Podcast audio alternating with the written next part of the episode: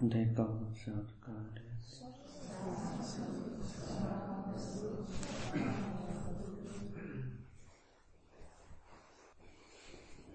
හොඳයි කවුරු තමන් ඉන්න ඉඩියාවට හොඳට සී පිටුම් ගන්න.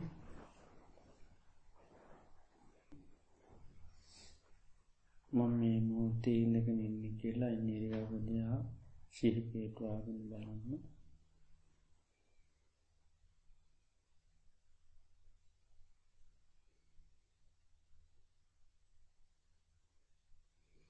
මම ඉඩගත්තේ මේ මූතේ බුදුරජාණන් වහන්සේ අපේ ජීවිතය සුවපත් කරගන්නට දේශනා කපු ධර්මයක් ශ්‍රවණයක් වන්ටයි මේ ධර්මය අපට මේ ලැබෙන් ඉතාමත්ම කලාතුරකින් ලැබෙන දෙයක්. බුදුගනේ පාලවීම ඉතාම දුල්ල බයි ධර්මය අධ්‍යේශනා කිරීම ඉතාම දුල්ල බයි ඒ වගේ මනුෂ්‍ය ජීවිතයක් ලැබීමත් ඉතාම දුල්ල බයි අපට දුල්ලපකාරණා සියල්ලම සම්මක වෙලා තියෙනවා. නමුත් මේ දුල්ල බවත්තාව අපට හැමදාම ලබාගන්න පුළුවන්කමක් නෑ මකද අපේ ජීවිතය කියන්නේ ඉතා මම නිශ්චිත ස්වභාවයෙන් පවතින ඉතා ඉක්මනින් වෙනස් වෙලා යන එකක් අපේ ජීවිතය කියන්නේ. ඒ නිසා මේ ජීවිතේ තාම තාම කාලික ස්වභාවෙන් පවතින එකක් හරියට තනාග පිණිබිදක් වගේ කිසිම බලයක් නැති වහා වෙනස් වෙන ස්වභාවය යුත්ත එක තනාග පිණිබිද ඉතා ඉක්මනින් වෙනස් වෙලා යන්න පුළුවන්. ඒ වගේ මේ ජීවිතයක් ඉතාමත් ඉක්මනින් වෙනස් වෙලා යන්න පුළුවන්. ඒවගේම වතුරට තාවතර බින්දුවක් කරන්න දියබබුලු හටගන්නවා මේ දියබබුලු වහා වෙනස් වෙලා යනවා ඒ වගේ ජීවිතයත් හරියට දියබබුලක් වගේ කොයි මොහොතේ කොයි අවස්ථාව වෙනස් වෙලා යයි දන්නේ නැහැ. ඒ වගේම මේ ජීවිතය හරියට වතුර ඇන්දිරක් වගේ වතුර ඇන්දීට වහා වෙනස් වෙන වගේ මේ ජීවිතයත් වහා වෙනස් වෙලා නැති වෙලා යනවා. එවගේම වදයට නියමවෙච්චි ගවයෙක් වදයට ඇර යනකොට පියවරක් පියවරක් පාසා වදය කරා මරණය කරා පැමිණෙනවා වගේ මේ ජීවිතයත් සෑම මොහොතත් අපරයක් ගෙවෙන්නේ ගෙවිගෙවී මරණය කරා යන්නේ. එවගේම ගංගාවක් මුදුනකින් ගලාගෙනනකොට කිසිම මොහොතක ගංගාව නතරවීමක් නෑ හැම මොහොතේම ගංගාව පහලට ගලාගෙන දෙගෙන නොවේ වගේ ජීවිතය කියන කිසිම මොහොතක් නතර නොවී සෑම මොහොතක්ම මරණය කරා යන්නේ. එනිසා මේ ජීවිතය කියන්නේ ඉතාමත්ම තාවකාලිකව පවතින එකක්. කිසිමාකාර විශ්වාසයක් පවත්වන්න පුළුවන් එකක් නොවේ ඒ නිසා අදා අපේ මේ අවසාන දවසන්න පුළුවන්. මේ මගේ අවසාන දවස කියල හොඳට සිහි කරන්න. මොකද ජීවිතය නොයෙක් විපත්තිවලට නොයෙක් විපත්තිවලට පත්වෙලා අද දිනේ අපට ඒපත්ති සම්මක වෙන්න පුළුවන්. විවිධාකාර විපත්ති ගොඩක් මැදයි අපි ජීවත් වෙන්නේ. අපි කණබනාහාර සමහල්ලාට දිරවගන්න වැරුණොත් මේ ජීවිතය අවසංගන්න පුළුවන්. යනකට එනකොට පහැ පිළ වැටනොත් සමල්ලාට ඒකෙම ජීවිත අවසංගන්න පුළුවන්. සතා සර්පයෙක් දෂ්ටකරොත් ජීවිත අවසංගන්න පුළුවන්. මනු සමනුෂ්‍ය කරදරවලට ලක් වෙලා ජීවිත අවසාන වන්න පුළුවන් වාතය පිතසෙම මේ වකි පිලා මරණයට පත්වෙන්න පුළුවන් බාහිර නොඒ කාකාර පද්‍රවයන් තියනවා එ පද්‍රවයන් නිසාජය මරණයට පත්වෙන්න පුළුවන්. මේ විදිේ මරණය ළඟා කර දෙන නොඒක් විපත්ති මදයි අපට ජීවත්වෙන්න තියෙන්නේ. ඒ වගේ විපතක් පැමිණ මේ ජීවිතය අවසංන්න පුළුවන්. ඒ නිසා මගේ අවසාන දවස කියලසේ කරන්න. අද මේ අවසාන දවස. එනිසා මේ දවස තුළ හිතට රාගයක් දේශයක් මෝහයක් ආදී ක්‍රේෂයක් එන නොදී මේ හිතාද දිනේදී හොඳට ආරශ්ා කරගන්නවා කෙලසී කරගන්න. රාගදේශමෝ සහිත වෙලාවක මිය ගියොත් බුදුරජාණන් වහන්සේ දේශනා කන ඉතා භයානකයි කියලා. එනිසා පුළුවන් තරන් සෑම මොහොතකදීම හිතට කෙලෙස්සෙන නොදී බාහිරව කෙලෙස් ඇතිවෙන කිසිම ක්‍යාකාරකමක් නොකර මේ සිත අද දිනේදී ආරශ්ා කරගන්නවා.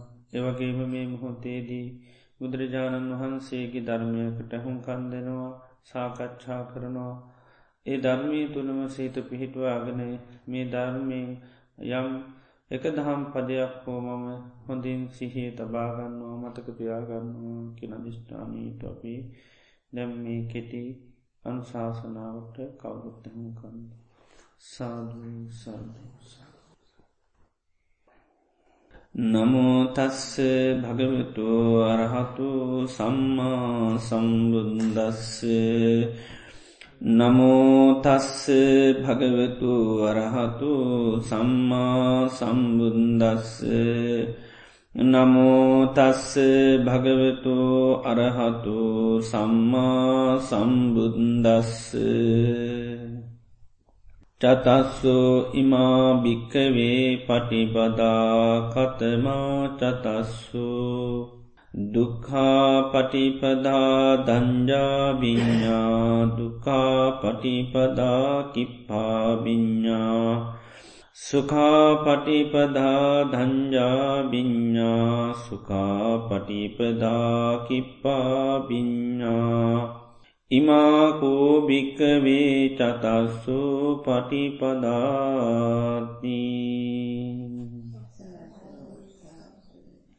ශ්‍රද්ධාවන්ත පිනතුනි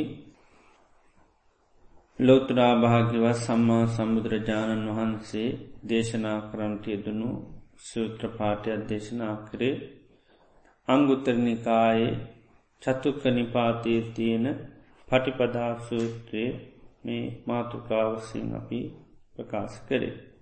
බුදුරජාණන් වහන්සේ දේශනා කරනවා චතස්සෝමා භික්කවේ පටිපදා මහණනි ප්‍රතිපදා හතරත්තියෙන්.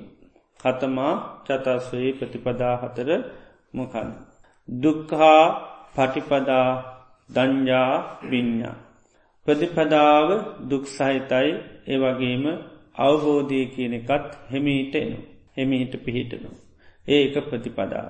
දුක්හා පටිපදා කිප්පාපිඥා ප්‍රතිපදාවත් දුක්සහිතයි හැබැයි අවබෝධීතා ඉක්මනින්ම ලැබෙනවා. සුකා පටිපදා දංජාබිඤ්ඥා ප්‍රතිපදාවිතාමත්ම සැප පහසුයි අවබෝධය වනාට හිමිහිට එන්නේ. ඒ තව එක ප්‍රතිපදාව. සුකා පටිපදා කිප්පා විඤ්ඥා. ප්‍රතිපදාවිතාමත්ම සැප පහසුයි අවබෝධයක් ඉතාමත්ම ඉක්මක්. මේ විදියට මේ ශාසනය තුළ ප්‍රතිපදා හතරත් තියෙන. එතොට යම් කිසි කෙනෙක් ජීවිතය අවබෝධ කරගන්නවා නම් මේ ප්‍රතිපදා හතරෙන් තමයි අවබෝධ කරගන්න. ත්‍රමකද මේ ප්‍රතිපදා හතර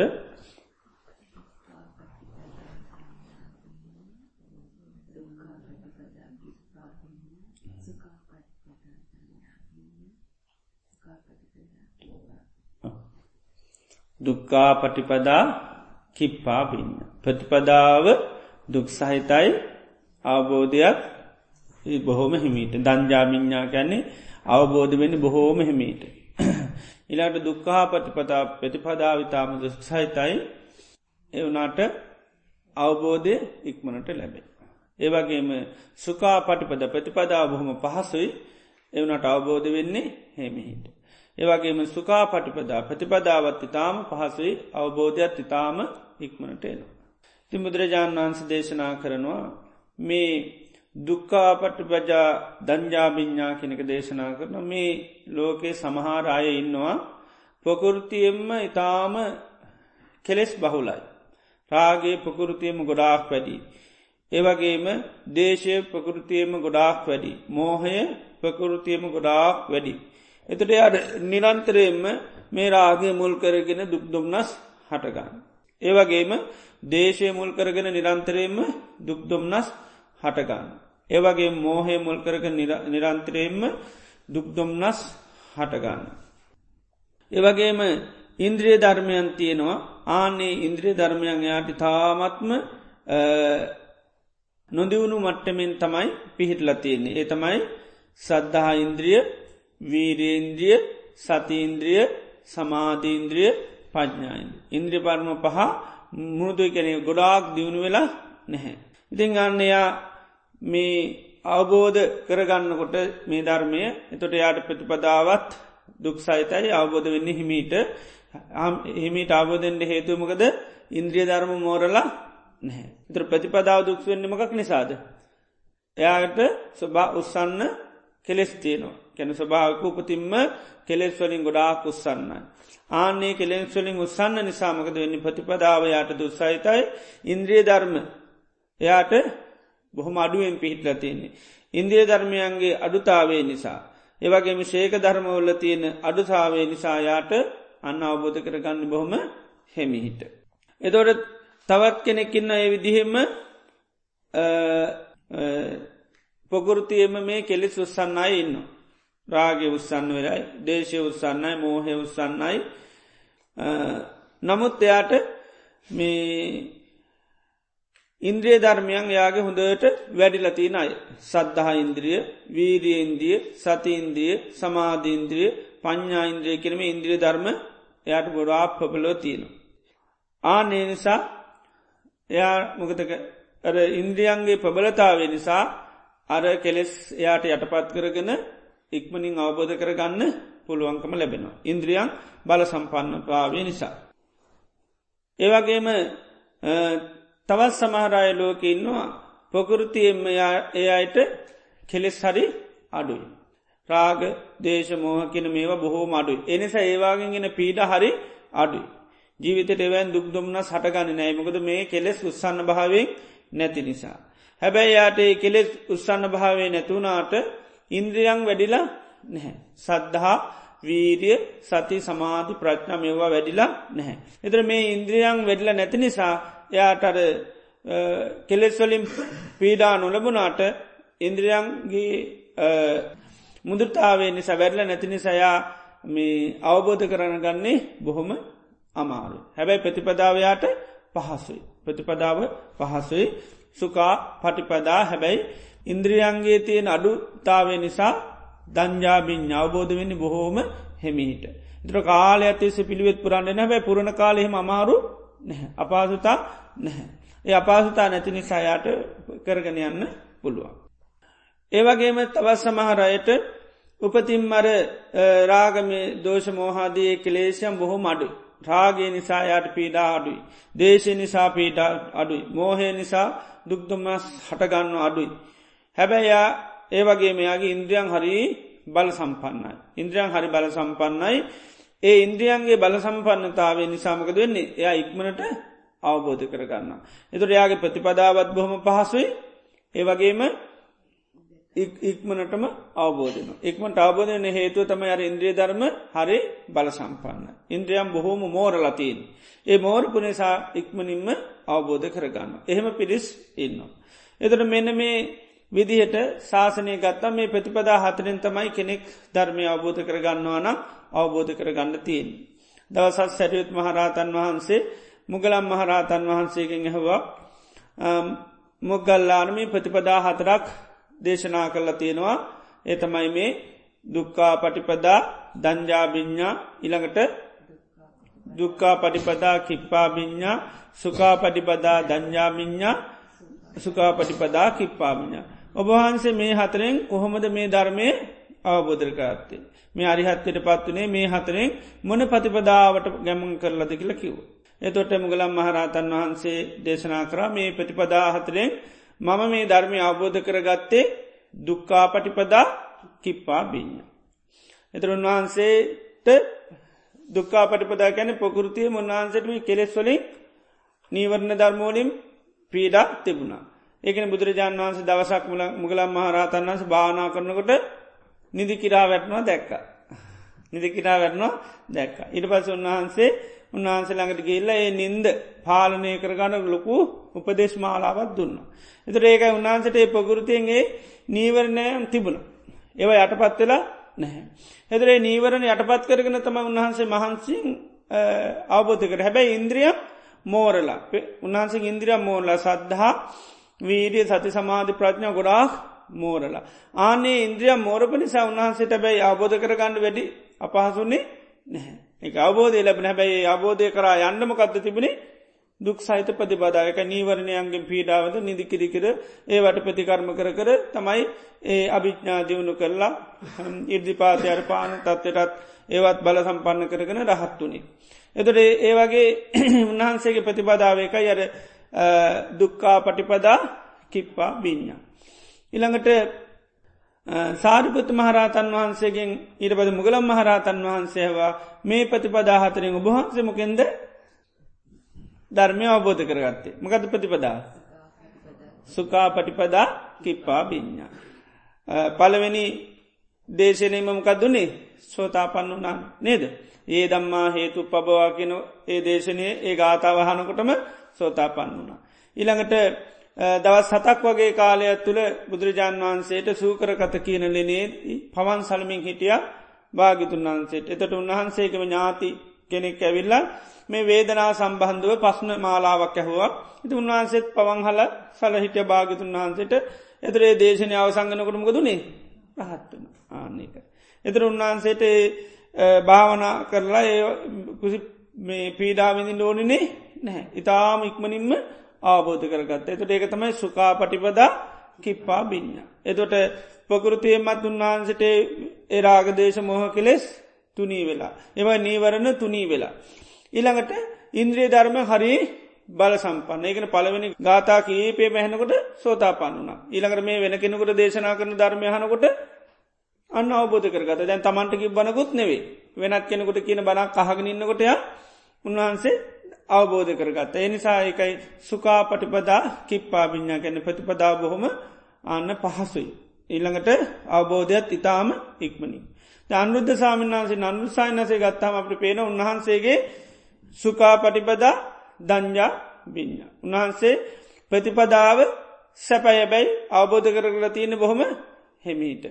උන්වහන්සේට අනාගාමී වෙලා ඉන්න අවදේ සෝත් මේ අරිහත්වයට පත්වෙන්ට සෑහන උන්වහන්ස මහන්සයක් කරන්න තියෙන. හැබැ උන්වහන්සේට දිවස්නුවන පවා තිබිලතින තුර දිවස්නුවන ලබන්න මොනොද තියෙන්න්නු ජානාදී දියුණු කරලා තිනතු ජාන හිටන් තියෙනු. ඒ ජාන තිබුණත් ඒවුණට අවබෝධ වනේ හිමිහිට. දවසක් අන්ුද්ධ ස්වාමින්වන්ස සැරුත් මහරතන් වහන්සේ ළඟට ගිහිල්ල මතක් කරනවා ස්වාමීණී මට දහසල් ලෝකධාතු බලන්න පුළුවන්. ඒ වගේ මගේ වීරී ඉතා බල සම්පන්නුව තියෙනට වීරියත් හොඳට තියෙනවා. ඒවගේම ස්වාමීණි මම කොච්චර මේ භාවනා කරත් මම රහත්වෙන්නේ නෑනකිව. මම රහත්වෙන්නේ නැහැකිව. එතෝට සාරිපුත්ත මහරතන් වහන්සිකිවා අනුරුද්ධ ඔබ කල්පනා කරනවන මට දහසල් ලෝකධාතු බලන්න පුළුවන් කියලා ඒ ඔබගේ මාන්නිකිව්ව. ඒවගේම මට ගොඩාක් වීරිය තියනයක ලොබ කල්පනා කරන එක ඔබේ උත්තච්චය කිව්වා. ඒවගේ මන් තාම රහත්තෙන්නෑ කියන එක ඔබගේ කුක්කුච්චේ කිව්වා. හිත ඒනි සව් අතහැරලා හවනා කරන්න කිව්වා. ආනීට පස භානා කළ තමයි රහත්තුන. නමුත් උන්වහන්සේට අර මූලිකව ධ්‍යාන හිටන් තිබුණ නැත් එනිසා තමයි දිවස් නුවන හිටන් තිබුණේ. ඒවනට උන්වහන්සට ඉන්ද්‍රියන් වල අඩුව නිසා අන්න ධර්මය අපපොත කරගන්න බැරිවුණ. ඒවගේ ශාසනය මේ ප්‍රතිපදාවන්ගෙන් තමයි ධර්මය අවබෝධ කරගන්නේ. තව සමහරයින්න ඉඳල තින බුදුරජාන් වන්සේ කාලේ අවුද්ධ විසි පහක් භාවනා කළ සමාධි ලබලනෑ. අවුද්ධ විසි පහක්.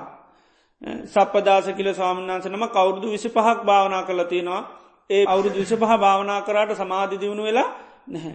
ද අන්තිමෙනමකද වනේ ලොකු කලකිරීමක් ඇතුවන. මේ භාවනා කරනවා කරනවා ජානයකට හිත පත් කරගන්න පුළුවන්කමක් නැහැ.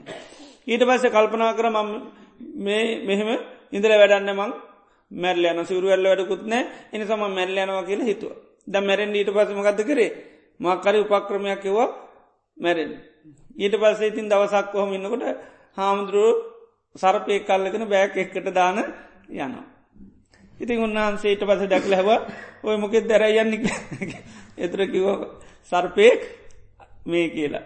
මේ නයකින්න අපි මේ ඇතට යනවා ගිහින්දාන්න එතර උන්නසක හා දෙන්නමං ගින්දාන්නන් කියලා ඊට පස මේ සර්පයත්ත රංකවරගේ කලයක් ඇතුළට ගිය. ඊට පස දැන් සැකනෑන දැනිතයි කියයි සර්පය දෂ්ට කරා මැරෙන් ඇතිම විසි කරන්න ගිහිල්ලා.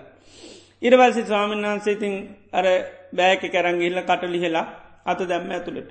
ඇයි සර්පයලව දෂ්ට කරගෙන මැරින තැන් ජීවිතය පාවෙලා තියෙන්නේ. භාවනා කරන කන සමාධිල බන්ඩ බැහැ. ඊට පස්සේතින් අත දාලා දැම්මට දෂ්ට කරන්නේ නෑ ඊට පසමකද කරේ මොදට මේ ලෙව්ව ලෙව් අත දාල ඒ දෂ්ට කරන්නේ නෑ ඊට පස එලියට ඇර මේක නායකනේ ගැරෙන්ඩියක් කියල විසි කරලා ගිය. ඉතින් ඊටවත් ඉතින් සංඝයාට කියලකිව උපහන්තලාර නයෙක් වරණයෙක් නෙවෙනේ.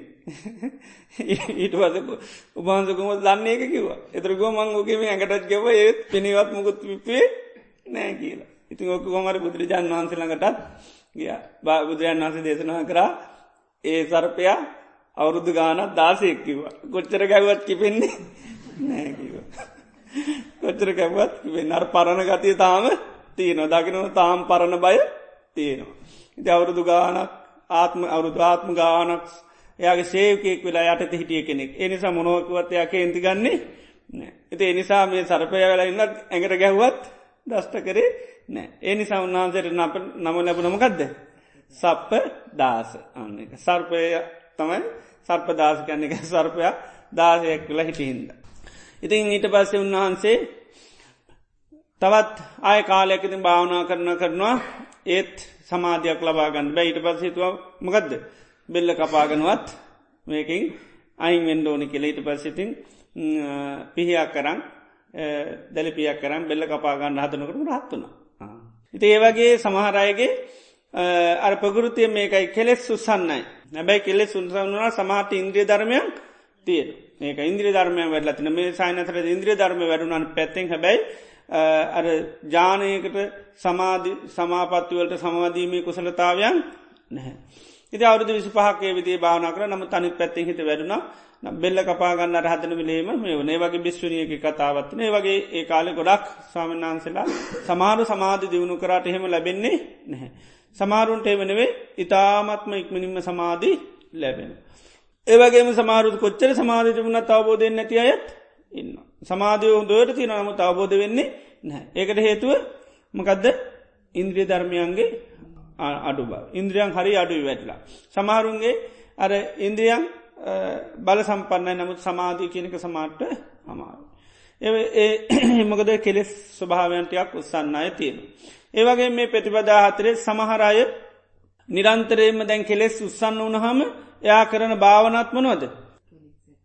කෙලෙස් කෙලෙස් නැති කරන්න ඉරජුවම් භාවනා කන එතට අරමුණු ටික සමතව අරමුණු නෙවේ විපස්සන අරමුණු දැන් රාගේ වැඩි එතරයා නිතරම් බලනමකක්ද අසුබය බලනවා කාය. ඊළඟට තීනමිදාදී වැඩි එතොට යා නිතරම් බහුල් වසින් වරනමකක්ද මරණ සංඥාව. මරණ සංඥා වැටනු. ඒවගේ මාන්‍යර වැඩි එතොට ඒක නැති කරන්නමක ධනිත්‍ය සංඥාදී වඩනවා. එතර එයාගේ භාවන අරමුණු සමතරමුණු නෙවේ. විපස්සන අරමුණු. එතර ඒවා කරනකොට අර හිත සංසිින්දලා නැති නිසා කෙලෙස් තියෙන දර කෙලෙස්වලින් පහර කකා තමයි නිතරම් භාවන කරන්න. ඒකයි ඒකට දුක්කා පටිපදා කියලා කියන. එතට ඒකම යාට අර සේක ධර්ම ඊළඟට ඉන්ද්‍රිය ධර්ම අඩු නම්මකද වෙන්නේ එයා අවබෝධ කරගන්නෙත් බොහොම කාලයක් ගිහිල්ල. ඒක තමයි දුක්කා පටිපදා දඥාබින්. තවත් සමහරු අර තද බල කෙලෙස්තිනින් අර භාවනා තමයි කරන්න අනිච්ච සංඥා සුභ සංඥා මරණ සති ඊළඟ සබ්බලෝක අනතිපි රත සංඥය ඔක්කොම විපසන අරමුණු තමයි ගන්න.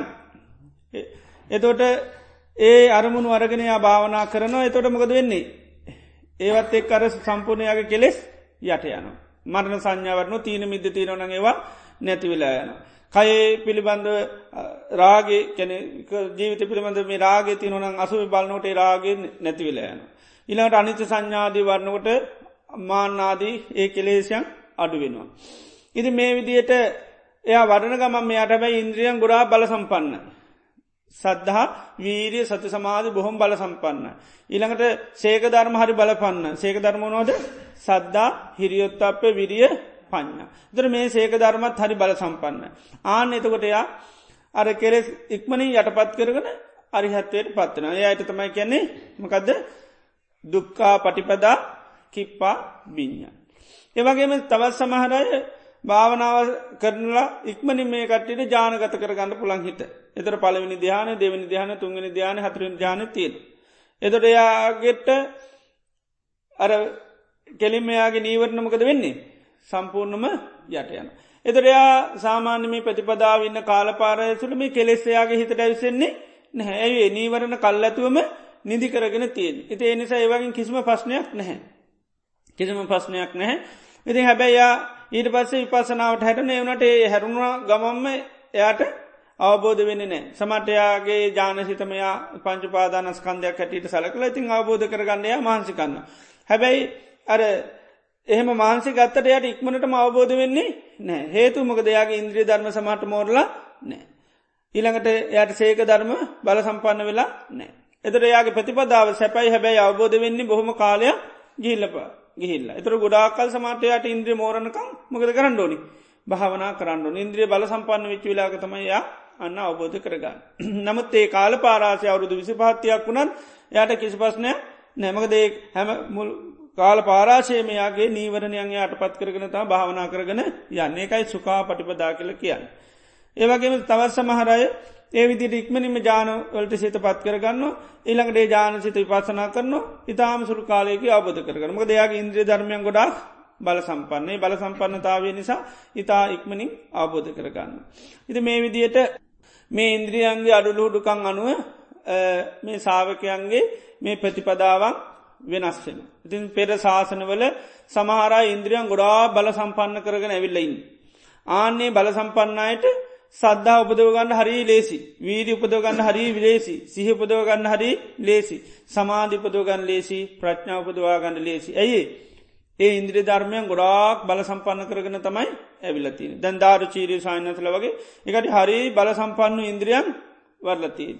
එක ඒ ඉන්ද්‍රියම් බල සම්පන්නතාව නිසා නොමග ගිහිල්ල හිටියත් ධර්මයට ඇවිල්ල වැඩි කාලයක්කින් ඕනනේ ඒකයි සුළු කාලයකදී සුළු මොහොත් කාල පාරසයත් තුළ ධර්ම ඉක්මනින් අවබෝධ කරගත්තා. හේතු ඇයි.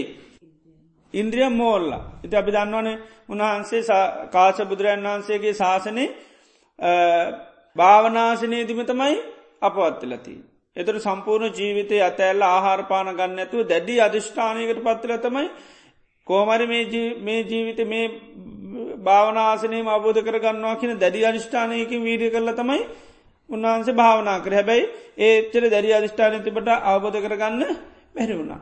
ඉතින් එත හැබැයි ඉන්ද්‍රිය ධර්මය මොක දුන්නේ ඉතාම් බල බල සම්පන්න වුණා. සද්ධාව ගොඩා දැන් සද්ධාව නැත්ත ඒවගේ දෙයක් කරයිද?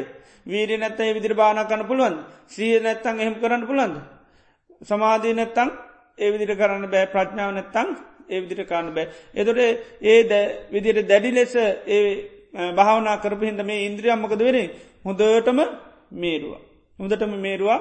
නමුත් පරිසරඇත් එක ඉන්ද්‍රියම් වැහෙන ස්භාවයට පත්වෙන ඉන්ද්‍රිය මෝරණ වැඩපිළිය අය නැතුනත්මකද වෙන්නේ? ඉන්ද්‍රියම් ආය පොඩ්ඩක් වැහෙනවා. හැබැයි ඉන්ද්‍රියම් මතුවෙන දේව ලාභගමමක දෙන්නේ ආය මත්වෙල නවා. එතට දැන්ගයා අර මේ වෙනද කුලේක ඉපදුනා. ඊට පස්සේ වෙළදාම ගිහිල ජීවත්වන ති වෙල්දා මේ කාලේ බොහෝසින් නැවනගල යන්නේ. ඉති මොකදුන මෙයා දවසක් වෙළදාමෙනකොට මුහද මැදදී මේ නැව විනාසුන. ඊට පස්සමයා කෙරේ පොඩි දරක මේ කෝ දරකඇල්ලක් කොටයක් කරගෙන ඒක උපකාර කරගෙන පිනාගෙන ගියා දූපතකට. එතට දූපතර යනකොට ඇඳුම් නෑ. ඉති එනි සදැන් ගමට යන්න විදිිය නෑ මෙයාමකද කරේ. ඔය වට පිඩේ තින කෝටු අරුවම ඇරගෙන චූටි වස්ටයක් හදා ගත්තා.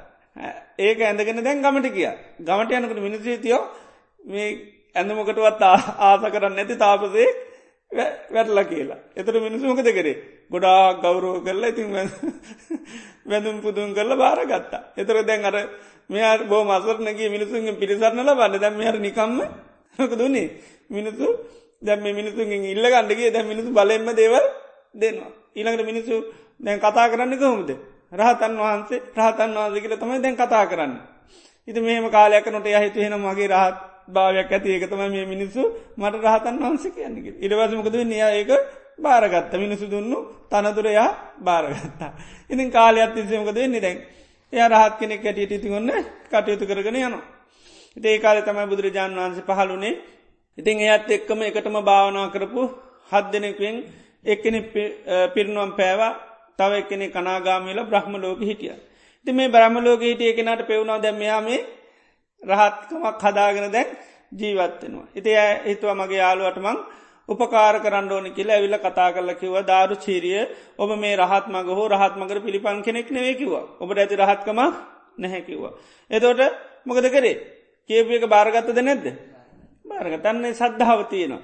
යථාර්ථයක් සත්‍යයක් කිනුට ප්‍රතිස්සේප කරන්නේ සද්ධාවන්න මෝර්ලතියන හින්ද. ඉති ඒ නිසා යාට මේ ආට සද්ධහ ඉන්ද්‍රිය තිබුණ නිසා යා ප්‍රතිශේප කරන එතොට ඒහවා මේ ලෝක රහතන් වන්සරින් වාද කිල්ලව තරෝකුව රහතන් වන්සරින් අන්න සැවැත්තුරන්න අන්න දැම් බුදුරන් වන්සන මල් ලෝක පහලවෙන්න ගිල්ල මුණ ගැහෙන්න කිව. දැන් ඊට පස්සන බුදුරන් වන්සේ ගැන කියපු ගමමක දුන්නේ සද්ධාව බල සම්පන්න වනා. ඊට පස බුදුරන් වන්ස හොයාගෙන අන්න ගිය.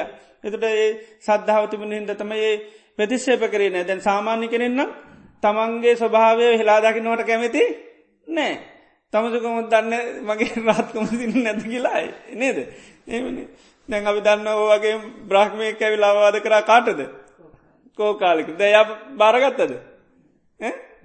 බාරගත්ත නෑ ආන්න එක ඒත මක දෙයාට ඉන්ද්‍රිය ධර්ම තිබුණේ නැහැ. අනි මේ බ්‍රහ්මරාජය මගේ හිත දැකලයිල්ල මත් මට මේ අවවාද කරනවාන කියලා ආන එහෙම පිළිගණ්ඩ හැකියාවත් තිබුණ නෑ ද මෙයා ඒක අන්න පිළිගත්ත. ආන්නේක මෙයා පෙදිස්සේප කරන්න කියන මෙයාමකද මේ සද්ධාවතියනයි ඒක යථාර්ථය සම්මුඛ වෙන වෙලාව දේවට පෙදිස්සේප කරන්න යන්නේ නැහැ. ඒක ඉන්ද්‍රිය තියෙනවා.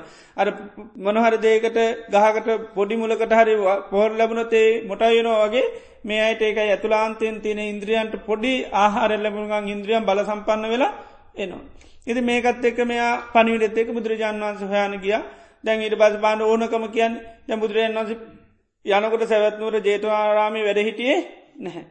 එතොට යාට දැන් අනි සයින්නදල කෙන්නෙතු ඔය පොඩ්ඩක් වෙලාව ඉන්ඩහෙන භාගිතුන් වහන්සේ එනකං කිල් දැන් යාට එහෙම ඉඩ පුුණ නාද බැරිවුණ ඒකමන කොහෙට වැඩිය කියලෙ දැ මේ වැඩිය පිටි පස්සේ දැන් හොයාගෙන යන දැහයානයට භාගිතුන් වහන්සේ මුණ ගැවනතින් ඉට පස්සේ ගිල්ල එක පාටමකක්ද කරේ? අනේ ස්වාමිනි මට බණටිකක් කියන්න. එතරකවා මේ ධාරුචේරේ මේ බණ කියන තරන්නේ ම කොහෙද පිඩ පාති වරින එනි සමන් ගිල්ලනක පොඩ්ඩක් ඉන්න. එදර පිළිගත්තද කිවනේ භාගිතුන් වහන්ස මේ භාගතුන් වන්ස පිඩ පාතනකම් මං ජීවත්තය දන්නෙත් නෑ. එහනත්තම් භාගතුන් වන්ස ජීවත්තය දන්න එනිසා මෙතනම් පොඩ්ඩක් කියල අන්ඩකු කියල කිවා. එතර කිවා නෑනෑ ජාරතිම පිඩ පාත ගිල්ලනකම් පොඩ්ඩක් ඉන්න කිව දැන් තුන්වතාවක් මොකද කරේ? ප්‍රතිශේප කර. එහම කරමක හදසිය පොඩ්ඩක් වැඩී දැ උනන්දුව වැඩි. ඒකටිකක් ඉන්ද්‍රියන් සමෙන්ඩ පැ වීරීන්ද්‍රය වැඩිවුණොත්තේ හිතමකක්ද උද්දච්චයට පත්න දැ උද්දච්චේටිකක් වැඩි. නොසන්සුන්. ඒකයි.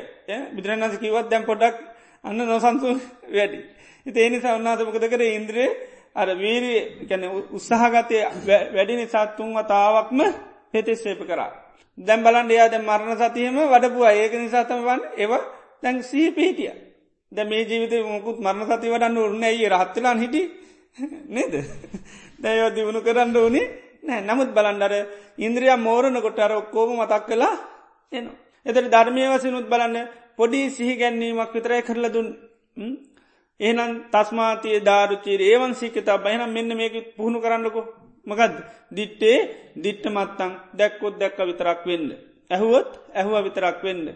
ඊළඟට දේවල් ආග්‍රාණය කරොත් රසවින්දොත් ඒවා එපමණිකම් වෙන්න. හිතර දෙයක් කාවත් එපමණික වෙන්න.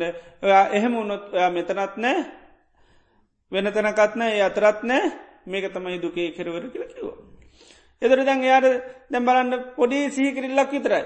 එතොට යට එය ඇහවෙනන ඇයි භාගතුන් වන්සේ දැක්කොත් දැක්ක විතරක් වෙන්ඩෝනි ඇහොත් ඇව විතරක් වෙන්ඩෝනි ද එච්චරක් අහන්ඩෝනුනේ නෑ. සිය පීටිය ආනෙක බල සම්පන්නව තිබුණු සිය කියනකටම සිහිවුණ ඇයි දැක්කොත් දැක්ක විතරක් වෙන්ඩෝනි කියලා එයාට අහන්ඩෝනුනේ ආනික. ඇහන්ඩෝනුන නෑ එයා දන්නවා දැක්කොත් දකින දේට ආසකරොත් උපාදාන වෙලා භවය හැදිලා ජරාමණ සෝක පරිදේව දුම්න දුබ්නොම්න්නස් හටගන්න. ඒ නිසා යට සීහිතිබුණ. එතරබන්ඩ අර ඉන්ද්‍රිය ධර්ම බල සම්පන්නයට වැඩි දේවල් කියන්න ඕනේ නෑ. අන්න එක. ඇති යා ඒ මොහොතෙම මොක දුනේ අරි හත්තයට පත්වන. ආනක සුළු කාලෙක තර බුද්ධ ශාසන ඉක්මනින්ම අවබෝධ කරගත කවද. ධාරු චීරී ස්වාමිනත ඒ තරං ඉක්මනින් කවුරුත්ම අවබෝධ කරගෙන ඒවගේ සුළු කාලයකද අවබෝධ කරගන්න උන්හන්ස තම ඉතා ඉක්මනින්ම මේක කියනකොටම ඒවගේම කියලත් කිව්වත් පරිපූර්ණ දෙයකුත් නේ පරිපූර්ණ දෙයකුත් කියරනේ නිකං ඉංගියක් විතරයි දුන්න. මේ මතක් කරදීමක් විතරයි කරේ. මතක් කරලා දෙනකොටම සියල්ලම මතක් වුණා. යානේ ඉන්ද්‍රිය ධර්ම බල සම්පන්නය අයට තමයි කියන්නේ සුකා පටිපදා කිප්පාපඥා ප්‍රතිපදාවස් සැපයි. ඉළඟට අවබෝධයක් මකද එය ධර්මය අබෝධ කරන්න ඕන කියලා ලොකු අමුතු වීරයක් කරුමේ මොකුත් කරේ නෑ සුළු කාලයකද බුදුරන් වන්සේ අම්බිලා සමාට විනාඩි දහයෙන් පහලින් විස්සෙන් එය රහත්තලත් අවසානයි. ඉති ඒ අයි මොකදේ? පෙර ශාසනයේ තියා ඒ සඳහා ඉන්ද්‍රිය ධර්ම දියුණු කරන්ඩ අප්‍රමාණ වේසක් බඩගින්න පිපාසය අව්ව ඒවයින් වින්ද විනීම කොච්චරද කියලා අපට කියන්න විදිහ නෑ දවස් පහක් දහ හයක් හතක් කෙනෙක් නොකානොමී භානා කරනවකැන් ලේසිවරද දැයා ඒ වගේ ඉතාම දරුණු විදියට වීරිය පාච්චි කර. එති ඒ නිසා තමයට ඉන්ද්‍රියන් ඉතා බල සම්පන්නු පිහිටල තිබුණේ. ඉති ඒ නිසා ඉන්ද්‍රියම් බල සම්පන්න එකයි ශාසනය සම්මුක වෙලා ඉතින් ප්‍රතිපත්ති පුරණකට එකට අවබෝධ කර ගන්නවා.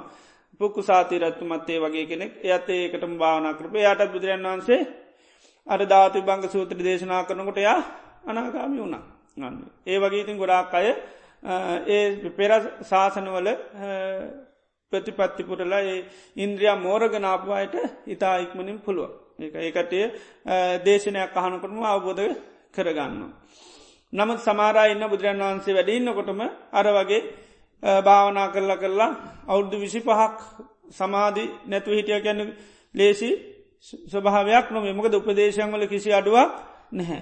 එතර වීරී ඇතිකරගන්න ඕන තරම් අවස්ථා තියනු. ඉළඟට මොකද රහත්්‍යච්චය අනන්තා ප්‍රමාණ පේනු. ඉළඟට වැඩිපුර අය නිතරම වීරය ඇතිවෙන කතා කරන මිසක්කා වීරය පිරිහෙන කතා කරන්නේ නැහැ. නේද දෙතිස් කතාහන ලැබෙනේ කාල ගොඩාක් දස කතා නිතවර මැහෙනවා. එතර භාගතුන් වහන්සේෙන් බණ නිතවර මැහෙනවා. මේ ඔක්කෝමත් ඇහිද්දි ඒවනාට අවුරදු විසිපහක් භාවනා කරලා තින මොකක් ලබන්නද. සමාධී ලබන්න ආනික ද පොඩි කාලය ඇති කියල බලන්න ඒක එතොට අර හැම දෙයක්ම තියද්දි හැම දෙයක්ම තියද. ඇති ඒවගේ පුද්ගලයන් ඒකයි තමන්ගේ ඉන්ද්‍රියන් වල දුබලතාව තිබුණොත් ඒ කාලය කෙනෙක ඒ පුද්ගලයන්ට අවශ්‍යයි. ඇති නිසා මේ අපට තියෙන පුළුවන්තරම ඉන්ද්‍රිය ධර්මය මෝරණ විදිහට මේ ප්‍රතිපදාව යන්න ඕනි. ඉන්ද්‍රියම් බල සම්පන්න වෙන්න වෙන්න තමයි අපිට අන්න අවබෝධ කරගන්න තියෙන්නේ. ඉතිං ඒ ප්‍රතිපදාව යනකොට අන්න සමාරයට පකෘතියම අර කෙලෙස් සඩුවයට සමාධයට හිත පත් කරගන්න පුළන් අනිත්තයි පස්සනා භාවනාවලින් තමයි අන්න මේක දියුණු කරගෙන අන්ඩෝන් ඒකයි පසනා භාවනාරමුණුවලට මේකෙත් පෙන්න්නන්නේ මරණ සතිය වඩනවා. ඊළඟට අසුභ සංඥා වඩනවා සබලෝක අනිපතිර රත සංඥා වඩනවා ආහාරය පටිකුල සංඥා වඩනවා ඒවයි මොකද කරන්න අර කෙලෙස් යටපත් කරගන්න. දර අනිත් සමාධි පැත්තෙන් යන එක නටමනවර ආනාපාන සතිය වටනවා ඒක එයාට ජානවලට හිත පත්වන තොට යාගේට කිසි පස්නය නෑ. එයාගේ නීවරණ මොකද වෙන්නේ සම්පූර්ණම යට යනු. අනිත් එක්කෙනගේ නීවරණ ඇහැල්ලති අද්දි තමයි එයා කටයුතු කරන්න අප අරී උපමාකිවීමකක්ද පොඩිලාමේ ඕ ඇහැල්ල ඉන්නකොට වැඩ කරන්න කිව තම්මට ගොඩක් අපහසුයි. පොඩිලම හොදරම නින්දර දැම්ම තම්මට පහසු. ඒවගේ තමයි මේ නීවරණ ඇහැල්ල තියනකොට භාවනා කරන්න කිවොත් ටික අපහසු. නීවරණ නින්දරදා ගන්න පුළුවන් වුණොත් අන්න පුළුවන්. එත නීවරණ නිදි කරන්න පුළුවන් මොනව තිබුණොද ජාන තිබුණු ජාන තිබුණු ගන්න නීවරණ යට පත්තින නින්දට යනවා. එතට එයට තා පහසුම් භාවනා කරන්න පුළන් සමති විපසනා දෙකම.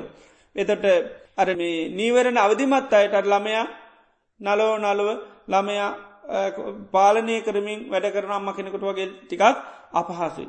එතොට නිතරමයාට අර මේ වරින්වර මේ මතුවෙන කෙලෙස් යටපත් කර කර කර තමයි භාවනා කරගෙන යන්න තියෙන්නේ. ඉතිං ඉන්ද්‍රියම් මෝර්ල තියෙනවනම් ඒවනත් ඉක්මට අවබෝධන ඉන්ද්‍රියන් අරනගේ අවබෝධය කෙනකත් සමහරයට හෙමිහිට තියෙන්නේ.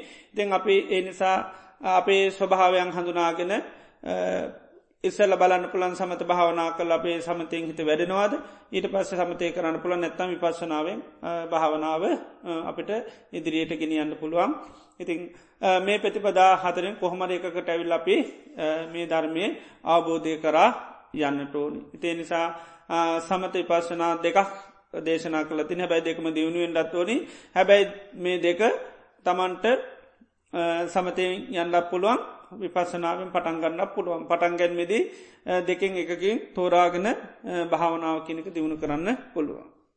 එතට සමත භාවනාව අපි කතා කරති අද තාම් අලුත් අඇත් ඇවලින්ද අපි අයතවටිකක් කතා කරමු. සමත භාවනාවම කද කරන්නේ? හිත එක් තැන් කරන එක. යාචිත්තස්ස ඒකාගතා යන් තත්ත සමාධී. සිතේ එකඟතාවයට තමයි සමාධී කියල කියන්න. ඒකයි. සිත අරමුණක් කාවහම අරමුණත් එක්ක එකඟයි විරුද්ධ නැහැ. ආන්නේ එකඟතාවයට තමයි සමාධී කියල තියෙන්. එතන මේ හිත සියලුම අරමුණුත් එක විරුද්ධ නැහැ. හැම අරමුණත් එක්කම විරුද්ධ නැහැ. විරුද්ධ මේ හිත මොන අරමුණුත් එකද. කුසල් අරමුණුත් එක්ක විරුද්ධයි. එක එකඟ නැත්තමකටද කුසලේට පමණයි. නැතන් සෑම සිතරෙන අරමුණත් එක්කම එකඟ නැති බවත්ති නොද. නෑ. අකුසල් අරමුණුත් එක සිත හොඳටම එකඟයි. ඇයි ඒක කරලා කරලා දැන් එකඟ වෙලාතිී ආනක එකඟ වෙලාතිී එතට අකුසල් අරමුණුත් එක කිසේ කිසිම විරෝධතාවයක් නැහැ. විරෝධ මොකත් එක්කද. කුසල් අරමුණුත් එක්ක පමණයි. දැන් පස්්නයක් හිතටාවත් භාවනා කරන ගම මොක කටදය ඒකත් එක හිත විරුද්ධෙනවාද. නෑ. ඒකත් එක්ක ඉන්න පුළුවන්කමක් තියෙනවා. ඒක ගැන මතක් කර කර සෑහන වෙලාවක් හිත පැවැත්වීම හැකියාවත් තියෙනවා. එතර ඒ සිතිවිලි හිතනකොට අර භාවනා කරනටයි වෙනත් සිතිවිලියයිල බාධ කරනවාද. ජානකට සමඇතනෝක ඔන්න ඉන්න පුළුවන්. එතට බාධා සිතිවිලියෙන්නේ නැහැ. ඇයි රුචි රුචිදය කරනවට කිසි පස්්නයක් නැහැ. ළඟින් තව කවුරුත් ඉඳලා ආය මේව කරන්න දෙයක් නෑ වැඩේට බැහැලම කරනවා. පොඩිළමයි වගේ නේද පොඩිළමයිට ගේම් ගානකට අපි ළඟ ඉන්න ඕන්නෑ අකුරු ලියවනකොට තමයි ළඟ ඉන්න ඕන මොකද ඒකට කැමති නෑ. ඉස්කෝලේ ක්‍රීඩාවලට යමනකොට අය එදාට හොඳටම ඉක්මනින් ලැහැත්වෙලා නේද. ඒකට කැමති හින්ද යවාගන්න අමාරු නැහැ. හැබැ අනිදවසට තියෙන සියලු ලෙඩ සමාරලාට වැළඳෙනවා. නේද. අපිට පොඩි කාලේ බඩ අමාරු යදිච්චී වාර. නේද? ගොඩා බඩ අමාරුව දෙනවා. ඇබැයි ඉතින් ස්කෝලේ අනි මොගත්ත ක්‍රීඩා කාලට කිසිම බඩ අමාරුව නෑ අන එදාට ඒ කාලෙට අය අම්මල තාත්තල යවන්න උත්සා කරන්න ඔන්නේ උදේම නැකිල්ල යන්න සූදාන.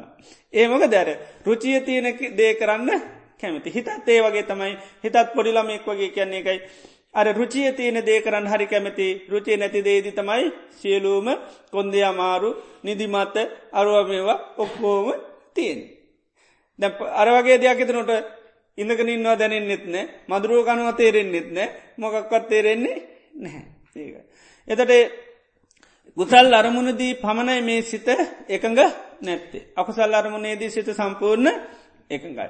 ඒකයි මේ සමාධිය දියුණු කරනකොට ප්‍රහාණය වෙන්නමකක්ද. රාගය ප්‍රහාණය නවා කියන්නේ එකයි. ද අපි කැමැතීමකෙටද අනවශ්‍ය අමරුමුල්ට. ඒවා ආස්වාද වසයෙන් අපි සසර පුරාවට බල්ලතින්. ආස්වාදය අපට පේෙන්. ආස්වාදය දැක්ක නිසා එතෙන්ට හිත දැම්ම ගමන් හිතේ විරුද්ධතාවයක් නැහැ. හිත විරුද්ධනෑ එකඟයි. ඒකට කැන මොන සමාධීද. මිච්චා සමා ඒකයි. සෑම අරමුණකටම පෙන්න්න සමාධි පමුකා සබ්බේ දම හැම ධර්මයට ප්‍රමුකත්වය දෙන්නමකක්ද. සමාධී. සිත එකක නැත්තං කිසිම අරමුණත් තුළ හිත පවත්වන්න බැහැ. එතොට දැන් මේ සමාධිගතය තියෙන මොන පැත්තෙන්ද. මිච්චා කැන වැරිදි සමාධ්‍යයක්ත්තිනේ එක අනවශ්‍ය දේවල් කල්පනා කල්ල කළ ඒකට හිත හුරු වෙලා තියෙන. එතනදී ඒකයි ඒ හුරුවටමකද වෙන්නේ. නිකාම කරගෙන යන. හැබැයි කුසලේදී ඒ ස්වභාවේ නැහැ. එතොට අපේ හිත නිතරම මේ අපි ආස්වාදය විඳල තියෙනමකෙන්ද කුසලයෙන් දකුසලෙන්ද අකුසලයෙන්. ආනේ නිසා අකුසල් වලට හිතේ කැමැත්තක් තියෙනවා. එතර පරණ සිද්ධි ඔක්කෝටම අපේ හිතේ කැමැත්ත තියෙනවා. ඒ නිසා තමයි අපට අති තරමුණු කිසිවක් අමතක වෙන්නේ නැහැ. ඒ අති තරමුණු ඕන එකකට ඕන වෙලාක පෙවේශ වෙන්න බාධාවකුත් නෑ. මතක් කරගන්න විතර ඒ තුළට හිත නිකාම කිඳා බහින ගතියක් තියෙනවා.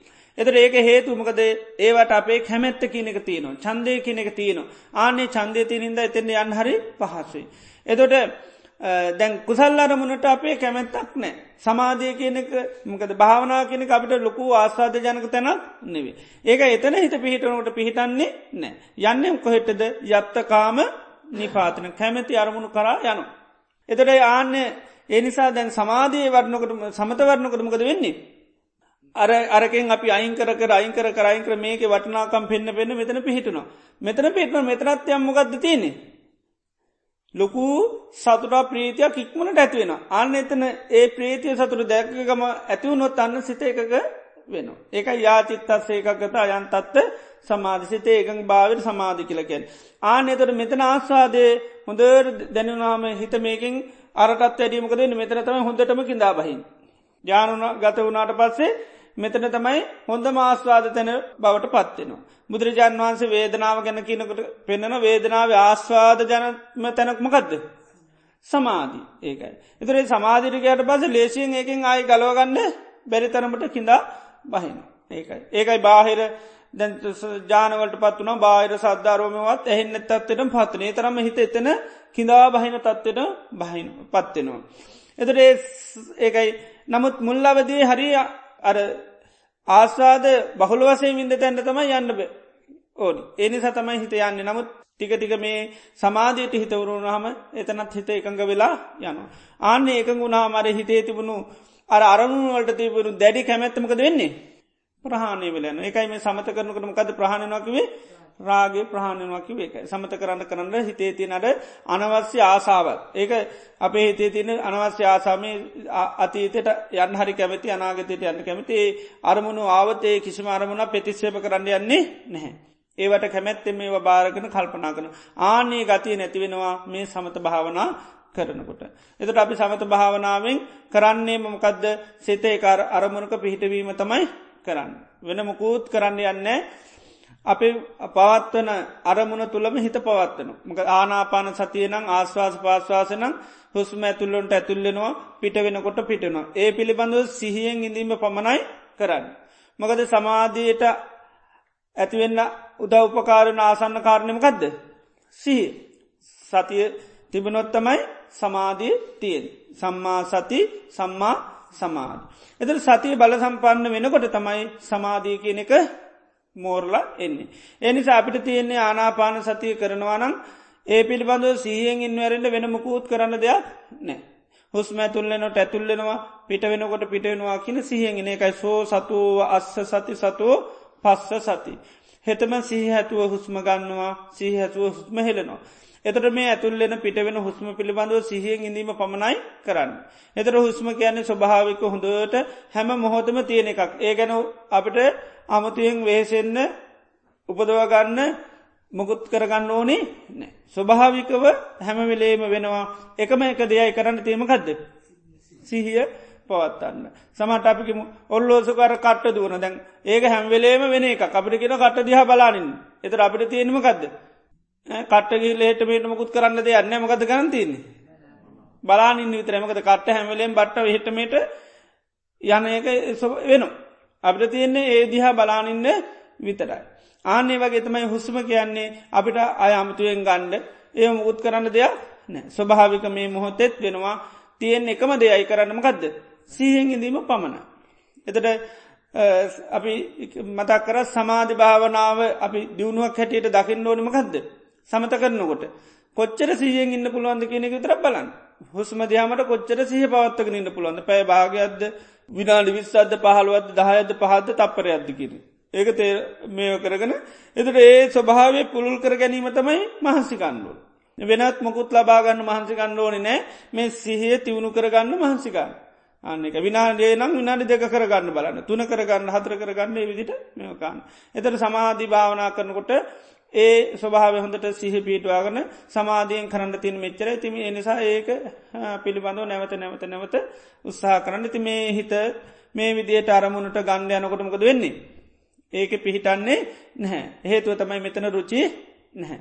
රුචි නැති නිසා තමයි හිත නිතරම දුවන්. ඉති අපි නිසා මේ භාවනාවති නානි සංසහොඳට සිහි කරලා නැවත නැවත නැවත නැවත යන හැම වාරයකම හිත ගණ්ඩුව. එතර භාවනා කරන අපි නිතර මතක් කරන්න හිත කියන්නේ අපිට අයිතිය එක නෙවේ. ඒක හිත කියන්නේ මකදද. හේතු නිසා හටගත්ත ධර්මතාව. එතර හේතුත් අනුව එක ක්‍රියාත්මක වෙනවාරෙන්න්න ඕන ඕන විදියට පාලනය කිරීමේ අයිතියක් නැහැ. එතොට මේ භාවනා කරනකොට තමන්ට අයිති දෙයක් හදන්ඩ යනවා නෙවේ අයිතිකෙනෙන්නම් ගෙදරින්ලම ඉක්මනින්ම හදාගන්න තිබුණා. තමන්ට පොඩි අනක් කරන්න විතරයි තියෙන් මෙච්චර මහන්සුවෙන්ට දෙයක් නෑ.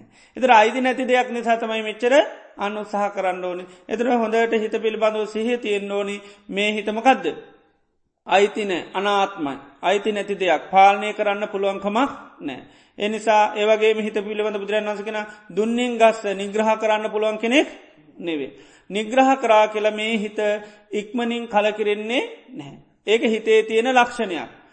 නිග්‍රහ කරා කියලා බැන්න කියලා ඇඩුව කියලා මැසිවිලි නැගුව කියලා පසුතැව්වයි කියලා ඔය කිසිවකටවත් හිතනවේ කම්පාවෙන්නේ සැලෙන්නේ දුක්වෙන් නොයමකේටවත් පත්වෙන්නේ නැහැ. ඒම ස්වභාවයක් නැහැ. ඉතිේ නිසා භාවනා කරනකොට ඒකයි ඒ එකක්වත් බුදුරජාන් වහන්සේ ප්‍රතිපදාවන් හැටිට දියුණු කරන්න කියලා නැහැ. මහනන්නේ ඔබගේ හිත දුවන හැම්වෙලේ මණ්ඩන්න එහෙම කියල තිනාද. අඩනකොට කම්පා වෙලා ඒවි. එහෙම කියලා නෑ. එහෙම නැත්ත මහනු පුළුවන්තරම් පසු තැවෙන්ඩ එහෙම කියල තිනද පසු තැවීම භාවනාවට බාධාවක් කියල තියනවා. නේද ඒමකක්ද. මන නීවර නේද. උද්දච්ච කුක්කුච්ච. එතට සැකකිරීම කම්පාවීම පසුතැවීම භාවනාවට බාධාව. එතර මේ කම්පාවනයි කියලා අපිට එහෙම අන්න කවදාක්වත් දභාවනා කරනට එතන අනිමට ඉන්ද්‍රිය ධර්ම වැරල නැති ඇති අපරාධ මටත් වුණන කාස බුදුරන් වන්සේ කාල අර ස්වාමින්නතලත් එක්ක නේද. දැයම යුතුවත්තේමකදන්න. හිත හැදේද. හිත හැදෙන්නේ නෑ. දැන්තියනමකක්ද අපිට අතීතය ඉන්ද්‍රිය ධර්මයම් දියුණු කරගන්න බැරවුණට මේ මොහොත දියුණු කරගන්න පුළුවන්. එනම් මේ මොහොත ඉන්ද්‍රියන් බල සම්පන්න වෙන්න ක්‍රියා කරන වැරෙන මේ අරවගෙන පසු තැවිලවට නෑ. අපරාධ මේ ටිස්සල්ලයි මන් රීටවල්ට එන්න තිබුණේ. නේද? කීයක් කරලා තියෙනවාද? නේද? ඒවනට මට එන්න ලැබුණ දැන්නේ අපරාධනි වුණේ. මට කිය ඒ ඔක්කොම්මනවද ඒව පසු තැවින්. ඒවැන් හිත කවදාකොත් හැදෙන්නේ නැහැ. අනුකම්පාහිතෙන් අනි අනිතොක්කෝම ඇවිල්ලන ගොඩක් ඔයා විතරනාව නැතේ නම්ම ඉක්මට එන්නම් භාවනා කරන්නක ලෙහෙම හිතෙන්නේ නෑ පසු තැවනයි කිලෙහෙම අන්න ඒකයි නිග්‍රහ කරා කිලෙහෙම සැලෙන කම්පාවන එක නෙවේ ඒ ඒව කරන්න කරන්න තවතාවමකද වෙන්නේ? හිත නොසංසුන් වෙලෑනවා ඒකත් ඒකමකද වෙන්නේ? උද්දච්චට පත්වෙනවා කුකුස් කරපු ගමම්මක දෙන්නේ හිත විසිරෙනවා. තව තවත් විසිරන විසිරනකට කොහොමත් අල්ලගන්න බැහැ. ඒ නිසා ඒවගේ කිසි ප්‍රතිපදාවක් බුදුරන් වහන්සේ දේශනා කරලා නැහැ. ඒ නිසා නිග්‍රහ කරා කියලත් තරන්න බැන්න කියලා වැඩකුත් නෑ. ඔය මොකෙන්වත් හිත හදන්න බෑ. අපි අට හරක ගුපමාව කියන් හරකෙක් නේරයනකොට හරකාදන්න ගොපල්ලට තින් එකම එක ක්‍රමයයි. ඒමකදද. කල්පනාවෙන් ඉදල කෙවිටෙන් ගහලා මතක් කරලා දෙනු ඇරෙන වෙනමකුත් බෑ. හරකගේ කැමැත්තම තියෙනමකයිටද. ගොයමට මොකද හකර හරකට තියෙන දැනුම් දෙකක් විතරයි. පාරවල් තියෙන අන්ඩයි නිල් පාට කොළ පාර තියෙනවා කණ්ඩයි. ඉති ඔය දැනුම් දෙක තමයි තියෙන් ඔය දැනුම් දෙකෙන් තමයි ජීවත්වෙන්නේ හැබැයි ඒක ගමටාවට පස්සේ ක්‍රියාත්ම කරන්න බැහැ. තියෙන හැම පාරවල් වනම යන්න බැහැ. ඒකයි මොකද කැලේ වගේ නෙවේ ගමේ පාරවල් ගෙවල්වලට තියෙනවා පන්සල්වලට තියෙනවා නේද.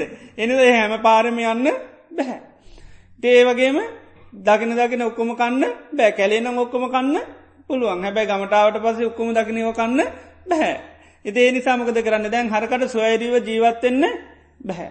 ඒ නිසා හරකෙකුට කවදින්නේ ගෝපල්ල පාලකෙක් ඕනි යා පාලනය කරන්න ඕන යා හසුරුවන්ඩුන යට ස්වරිය ජීවත්වෙන්න බැහැ.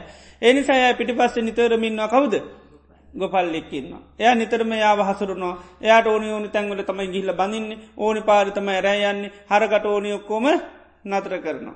එතුර හැබැයි ඒවනට හරක නිතරම් බලන්න තමන්ගේ ස්වභාවය ක්‍රියාත්ම කරන්න. දැන් නීර ඇරයි යන ද නීර ඇරයනකට හරකට නීරයන්න නෙම ඕනිම කොහයන්ටද ගොයන් කන්න. හැබැයි ගොපල්ලම්ගොද කරන්නේ ඒක වලක්කන. එතර ගොපල් හැබැයි හරක අවබෝධ කරගන්නේ හරකට තේරෙන්නේ ඒ නිසා කල් ඇතුව බැන්න කියලා නින්දා කරා කියලා දේශනා තියන නැත්තන් කෙවිටෙන් ගහල ගහක බැඳල තලල තල උඹාදනන් නීර මිසක්කා ගොයමනං යන්න තහනම් කියලා ගහනවා. ඇති කල් ඇතුව දැන්. ඒම ගැව්වයි කියල දැම්මට මොක දෙන්නේ ඒ ඔක්කොම මතකයි ගොයන් දැක්ක ගමන් මොකද වෙන්නේ? ඒ සියල්ල මමතකෙනවා ඒ හරකගේ ස්වභාවේ ආනක දැන් මේ පැබාග මට ගැහ්වන කියල ඒව මතක නෑ ගයන් කණ්ඩ එපාගේ කිය තමයි ගහලතින් එහෙම ගැව්වයි කියල එහෙම මතක හිටින්නේ නෑ අපිත් එහෙමයි. කාම්බරේන්දලා බැනල බැනල බැනලගේනවා හිත. එහෙම ගෙනවයි කියල මෙතෙන්ට ආවට බද ආයොක්කුම අමත අතීත මොනහර සිද්ධියම් මතක් වුණු කාමක දෙන්නේ ටක්ගාල හරකවගේම පයින හිතේ හිතේ තියෙන ස්වභාව. ඉතිං ගොපල්ල නිසාමකද කරන්න එයා බලන්නේ ය හොඳට දන්නවා හරක හදන්න එකම එක ක්‍රමවේදයයි තියෙනෙම ගදදේ. සීයෙන් ඉඳලා හරක හොම්බදාන හැම්වෙලේම කෙවිටෙන් පාරක් ගහල මතක් කල දෙන්න විතර. එතර වරද කරන තැන මතක් කිරීම හැරෙන්ට වෙනමකුත් කරන්න කල්ලතුව කරනව වැඩ නෑ ආන්නක කල්ලතු දෙන දේශනා එකක්වත් මතක හිටින්නේ නෑ. ඒවගේ ගොබල් ඇඩුවයි කියලා කම්පාවනයි කියලා සැලුනයි කියල ඒත් හැදෙන්නේ නෑ ඒමකේටවත් හදාගන්න බෑ කියල හොඳටම දන්නවා එනිසා එක පිළිවෙතයමකක්ද අන්න එකයි. වරදද කරන තැන මතක් කරලා දෙන්න. ඉතින් හිතත් එහෙමයි හිතරත් තියෙන හරකකුට වගේ දැනුන් දෙකයි. නේද. හිත හිරකරත් තියන්නේ හිත තියෙන්නේ මොකටද හිතන්. හිත තියෙන්නේ හිතන්න තේ නිසා මොකද කරන්නේ. එන එන හැමදේම හිත ආන්න එක. ඉතේ නිසා අතීතයට අනාගතට යමින් හිතත් ගමන් කරන්න. එතේ නිසා හිතට හරකට වගේ දැනුම කියනෙක බොහෝම අවම. එතේ නිසා සෑ මරමුණක් කරාම දුවනවා සෑ මරමුණක් මොකද කරන්නේ භාරගන්න. හිත ඒක තමයි හිතේ තියෙන ස්වභාව. එතට ඒ ගතියේ භාවනා කරනකොට හිත ක්‍රියාත්ම කරන එනිසා බුදුරජන් වන්සේ භාවනා කරනකොට හිතර ඉඩ දෙන්නේ භාවනා කරනකොට හිතට ඉඩදීල භාවනා කරන්න භාවනා කරනකොට කරන්නමකක්ද සිහියෙන් කරන එක හිද තමයි සති පට්ටානි කැන සිහ පීටුව ගන්න ඇරන්න හිතට ඉඩ දෙන්නේ නෑ හිතට ඉඩ දුන්නොත් අර හරකට තනී යන්න දුන්න වගේම වෙන.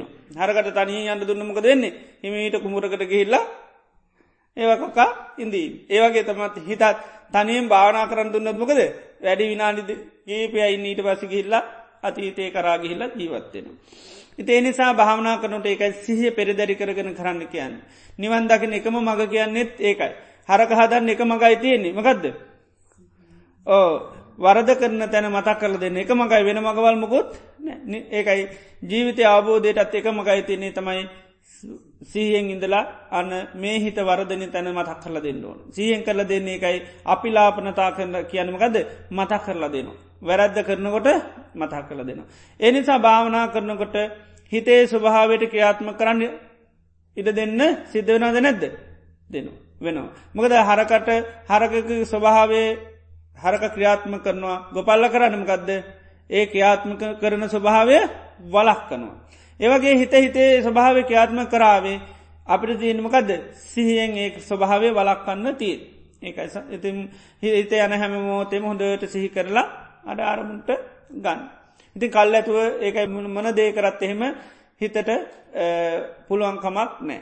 ඒව හදාගන්න පුළුවන්කමක් නෑ නිසා එකම දෙයයි තියෙන්නේ. කොච්චර ගියත් යන හැම මොහොතෙම මොකද කරන්තින සිහිය පිහිටුවා ගන්න. එක සති පට්ටහන කැන එක පට්ටහන කියන මොකද පිහිටුව ගන්න ඕනේ. දැන් පිහිටුවාට මොකද වෙන්නේ? පිහිටන්නේ නෑ ඒකයි. දැන් ගොපල්ලක් කෙවිටෙන් එක පාරක් ගහලවන්න මතක් කරල දෙනවා. හැබැයි ඒක වැඩි වෙලා පිහිටන්නේ කෙවිට සැරතියනකන් යයි. ආය අමතක නම්පද ආයත් හොම්බ දාන්න ඉති ආයත්මකද කරන්න? ආයෙත් ගාන ඉති හිතත් ඒ වගේ තම ඒකයි ආයසිය පිටුල මෙන්න ආය තප්පරේමකද වෙන්නේ ආයෙත් ගිහෙල් ආයගත්තට පස ආයෙත් ගිහිල්ල. ඉතේ ඒ වගේ ස්වභාවයක්ත්තියනි තේ නිසා කම්පාවනා කියලා සැලුන කියලනෑ අවබෝධ කරගන්න විතරයි තියන්නේ ගොපල්ල හොඳට හරක අවබෝධ කරගන තමයි පාලනය කරන්න බාරගන්න. හොඳටම දන්නවා මෙයාට ස්වයාරීව කටයුතු කරන්න බෑ මාව මං එයා පිටි පස්සේ ඉන්ඩමෝනි. යනකොට ගහක බැඳලා යන්න. එතට රෑ නිදාගන්නට ගාල් කරලා තමයි කොටු කරලා තමයි අන්න නිදාගන්න යන්න. මොකද ස්වෛරීව කිසි දෙයක් කරන්න දෙන්නේ ඒක ස්වෛරී කිසි දෙයක් කරන්න දෙන්න මකද කරන්න බෑකිල හොඳටම දන්න. හිතත් ඒ වගේ තමයි ස්වෛරීව කිසි දෙයක් කරන්න බෑ. හැම තැනදීම ආනයා පිටි පසින්න ඒකයි සතර සති පට්ටාන තියෙන් හැම්ම තැනම කනකොට බොනකොට යනකොට කතා කරනු හැම තැනම කත කරන්න කියන්නේ. සීය පිටුව ගන්න කියන්නේ. එක හැම තැනම තිීර ඒක බලගතුල සැම්ම තැනම සිය පිටවා ගන්න කැන්නේ එක ඒතට සී හරියටම තිබුණොත් මෙයාට වරදවල් කරන්නම බෑ ඒක වරදවල් කරන්නම් බැරි තත්වයට පත්වෙනවා. ඒ නිසා මේ භාවනා කරනට අපි සමඳ භාවනා කරනන ගෙනම් අර ගන්න අරමුණට ආයා හිත පිහිටුවීම අපිට කරන්න තියෙන්නේ කොච්චර ගියත් ඒ ගැන පදුතැවෙන්න කම්පාවෙන්ඩ දෙයක් නැහැ. ඇයි හරක හරකගේ වැඩේ කරන හිතත් හරගෙක්කොක තියයාගේ ස්වභාවයා ක්‍රියාත්මක කරනවා. ඒ ගැන දුක්වෙන්න පදුතැවෙන්න දෙයක් නෑ ඒක එක අය හරක් හදාගත්ත ඇටියට තමයි නේද සමාර අරක්කතින් අවුරුදු ගානක් හදල හදලා දැන් නීරේ අරගතියක් තියෙනවා. තාම හරක් සමාරහරක්මකද කැලෙෙන් අල්ලගෙනාව විතරයි. තාමර කුළු ගති නේද. ඔක්කෝම අර කැලෑ ගති ඔක්කොම ටික තියෙන. ඉතින් කැලෑවටම අර හරකගේ ගතිම තමයි ක්‍රියාත්ම කරන්න ඒ ගැන දුක්වෙන්න දෙයක් නැහැ. ඉති නමුත් හරක් කියන්නේ හදන්න පුළුවන් වෙයිද. පුළුවන්. ඒක හරක් හදන්න පුළුවන්. තිය නිසා හිත කියන්නේ හදන්න පුළුවන්. ඒක ඒක බුදුරන් වන්ස කැන්නේ ඒවා අමාරු විදියට පෙනදු අර ඊ තලයක් හදර වගේ. හැබැයි කමානුකූලෝ මේ හිත නම්යශීලි කරගන්න පුළුවන්. ඉති ඒකට කාලයක් අවශ්‍යයි. ඉන්ද්‍රිය ධර්ම මෝර්පු අයට ඉක්මනින් පුළුවන්. ඉන්ද්‍රියන් අඩුව අයට ටිකක් අපහසුව වෙන්න පුළුවන්. ඉතින් කොහොම නමුත් මේ අනිවාරෙන් හදන්න පුළුවන්. ඒකට කාලය කියනක ඉඩ දෙන්න සිද්ධ වුණා. හරගේ කදරුව කාලෙට යනිතවර මිට දෙනු ඒකයි. ඒ කාලෙට දුන්නම් කාලාන රූප වූ දෙ පැත්ත තියෙන ගොයන් දයා බලන්නවත් නැතු ලස්සනට නීරදිගේ ඔය තියන තනකොලයක් කාලා සතුටින් යනවා ආනකයි. ගොයන් කියන්නේ සම්පූර්ණ මතක් කෙනකොට ඊට වැද ගුටිමිසක්කා කන දෙයක් කියලා කියටව මතක් වෙන්නේ නෑ. නමුත් ඒ පාඩමු ගන්නන්න කාලයක් යන්. ආන්න සිතරත් එහෙමයි කාලයක් එනකොට රතීත අරමුණු වෙනවා. අරමුණු එනකොට මොක දෙන්නේ.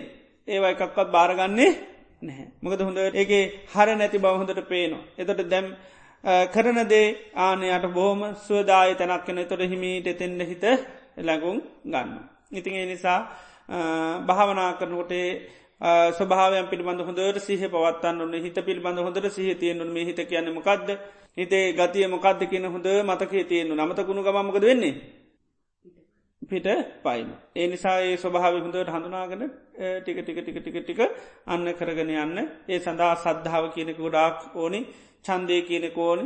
ඒ මේවත් තියෙන තරමටතාපිට කරගෙන යන්න පුළුවන්කම ලැබෙන. බුදුරන් වහන්සේකට අපි සද්ධාවතියෙන් උන්වහන්සේ දේශනා කරන මේ ක්‍රමවේදයන් කරා කෙනෙක් පුහුණු කරත් අනිවාරණයට අවබෝධ කරගන්න පුළුවන්. හිතේ නිසා සමාධී වර්ණකොට ඒ විදිහට සිත හොඳයට තමන් අවබෝධ කරගෙන ටික ටික ටික ටික පුහුණු කරන්න බලන්න. ඒවගේම අපි වෙන දවසකයි විපසනා භාවනා ගැන කතා කරමු හෙනම් අද අපි මේ සමත භාවනාවක් වසින් අපි හිත පුරුදු කරමු තමන් පුරුදු කරලා තියෙන සමත භාවනාවන් කරන්න පුළුවන් කෙනෙකුට ආනාපාන සතිය ඔන්න වඩන්න පුළන් මේ හුස්ම පිළිබඳව සිහ පැවැත්වීම අපිකිවේ කරන්න තියන්නේ. එම නැත්තන් අර්ථික සංඥාව පිළිබඳව හොඳට සිහ පීටුව ගන්න පුළුවන්.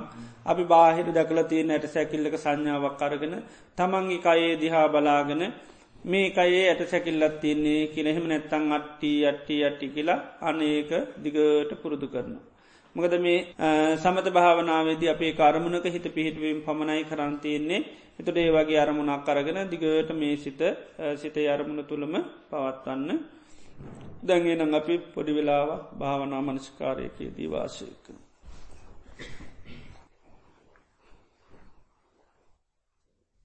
හොඳයි කවුරුත් හොඳට තමන්ගේ නිරියාව පිල්බඳ සිය පිටුව ගන්න. මං මේ මොහොත්තේ ඉන්නගෙන ඉන්න කියලා.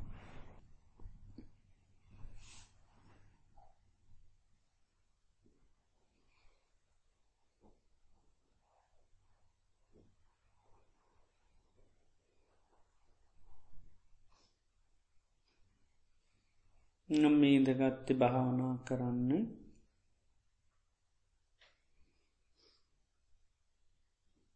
මේ වගේ භාවනා කරන්ට ජීවිතය අවස්ථාවක් ලැබෙන ඉතාමත්ම කලාතුරකින් අපට ඒ සඳහා බුදුරජාණන් වහන්සේගේ ඒ ශාසනය පවතින්න ඕනි ධර්මය පවතින්න ඕනි. ඒවගේම අපිට මිනිස් ජීවිතයක් ලැබිල තියෙන්න්නට ඕනි. තර මේ කාරණය තාම් කලාතුරකින් ලැබෙන්නේ. නමුත් ඒ අවස්ථාව අපට සම්මුඛ වුණා. නමුත් අපට මේ අවස්ථාව හැමදාම පවත්වන්ට ලැබෙනනෑ ජීවිතය කැනි තාමත්ම සුළු කාලයක් තාවකාලිකව පෞතන එකක්. කිසිම බලයක් නැති බලරහිත දෙයක් මේ කය කියන්නේ ජීවිතය කියන්නේ. හරියට තනාග පිණිබිඳක් වගේ දියබුබලක් වගේ දිය ඇන්දේ ඉරක් වගේ මේ ජීවිතය ගැන තාමත්මතාව කාලිකයි සෑම මොහොතක්ම මේ ජීවිතය මරණය කරායන්නේ ගංගාවක් නැව නොනැවති ගලායනවා වගේ.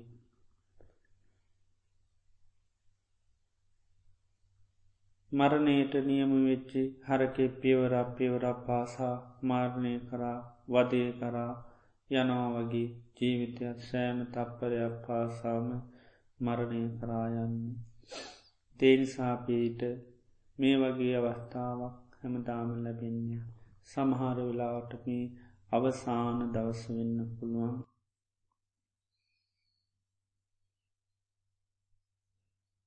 ඒ මගේ අවසාන දවස වෙන්න පුළුවන්. හොඳට සිහි කරන්න. මගේ අවසාන දවස් අත වෙන්න පුළුවන්.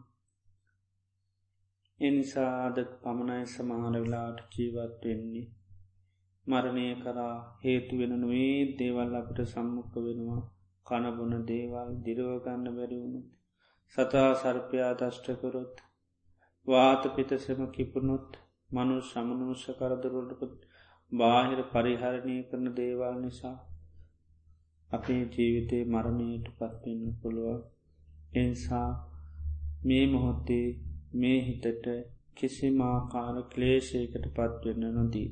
නීවරණ ධර්මයක් හිත තුළ ලැබුම් ගන්න නොදී ඉන්ද්‍රිය ධර්මයම් පෝෂණය වෙන විදිහට හොඳ සිහියෙන් හොඳ කල්පනාවෙන් මේ භාවනා අරමුණ තුළම මේ මොහොතේ සිත පවත්වනවා.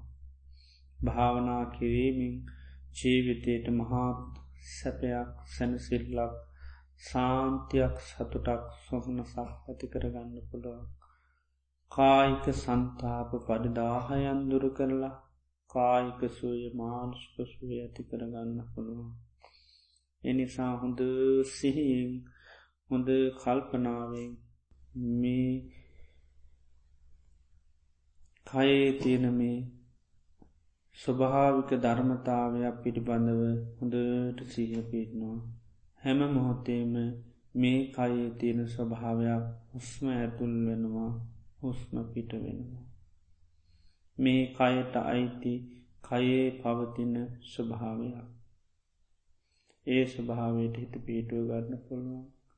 එම නැත්තං මේ කයේ තිර ස්වභාවයක් ඇත සැකිල්ල ආනි ඇත සැකිල්ලට සිත පිහිටුව ගන්න පුළුවන්. බාහිරව දැක්ක ඇට සැකිල්ලක ඒ චිත්‍රරූපය ඒ නිමිත්ත ඒ සංඥාව හිතට අරගෙන මේ කයේ පවතින්නෙත් එමුදු ඇට සැකිල්ලක් කියන සංඥාව හැඟීම ඇති කරගෙන අට්ටී හොඳට කයිදිහා බලන්න ඇට සැකිල්ලක් ඇටිට මුලින් දැක්කෙ නැතු නටකවන්නේ සාමාන්‍යින් සංඥාවක් හැටියට තමන්ගේ පයතිහා බලානන්න හිස්කබල අත් ඇට උර හිස්සට කොඳු ඇට ඒ විදියට තියෙන ස්වභාවය. මුළු කයමන දැක්කත් එක් කොටසක් හෝ කමන්නේ. අය කියන්නේ ඇට සැකිල්ලක් කෙනෙ සංඥාවෙන් බාහිර තියෙන ස්වභාවය. තමන්ගේ කය තුළට කලපාගෙන අර මනසකාරයේ දෙන්න අට්ටී. ඉතාම හිමීට වේගයකින් තොරව ඒ අට්ටී කෙන මනසිකාරයත් එක කයදය හොඳට නුවනින් බලන්න. අට්ටී. අට්ටී. එම නැත්තම් මේ කයි ඇට සැකිල්ලත් තියෙන්නේ. මේ අයේ ඇට සැකිල්ලක් තියන්නේ. ඇට සැකිල්ලක් තියන්නේ. ඇට සැකිල්ලක් තියන්නේ.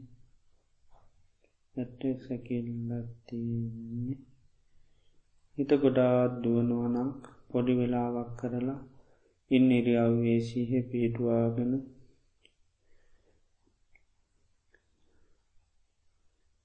ආයමත් භාවනාවයාන සංසසී කරලා මට ඉතාම දුල්ලබව ලබ බවස්ථාවක් සමහරලාට අද පමණක් කරන්න පුළුවන්. මේ අවසාන භාවනාසනය වෙන නිසා මං හොඳ කල්පනාවෙන් සිහියෙන් මේ කය තුළම මේ අයට සැකිල තුළම සිහි පීටුව ගන්නවා කියලා ආයත් ඇට සැකිල්ලත් තියෙන්නේ කියලා හෝ අට්ටී අට්ටී කියලා හොඳට සිහි කරන්නේ. ඒක කයදිහා හොඳට බලන්න.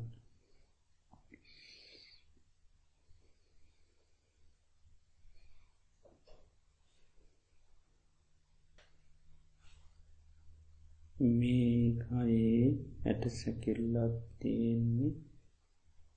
ඇට සැකිල්ලක් තියෙන්නේ. ඇට සැකිල්ලක් තියන්නේ එමනත්තම් අට්ටී අට්ටී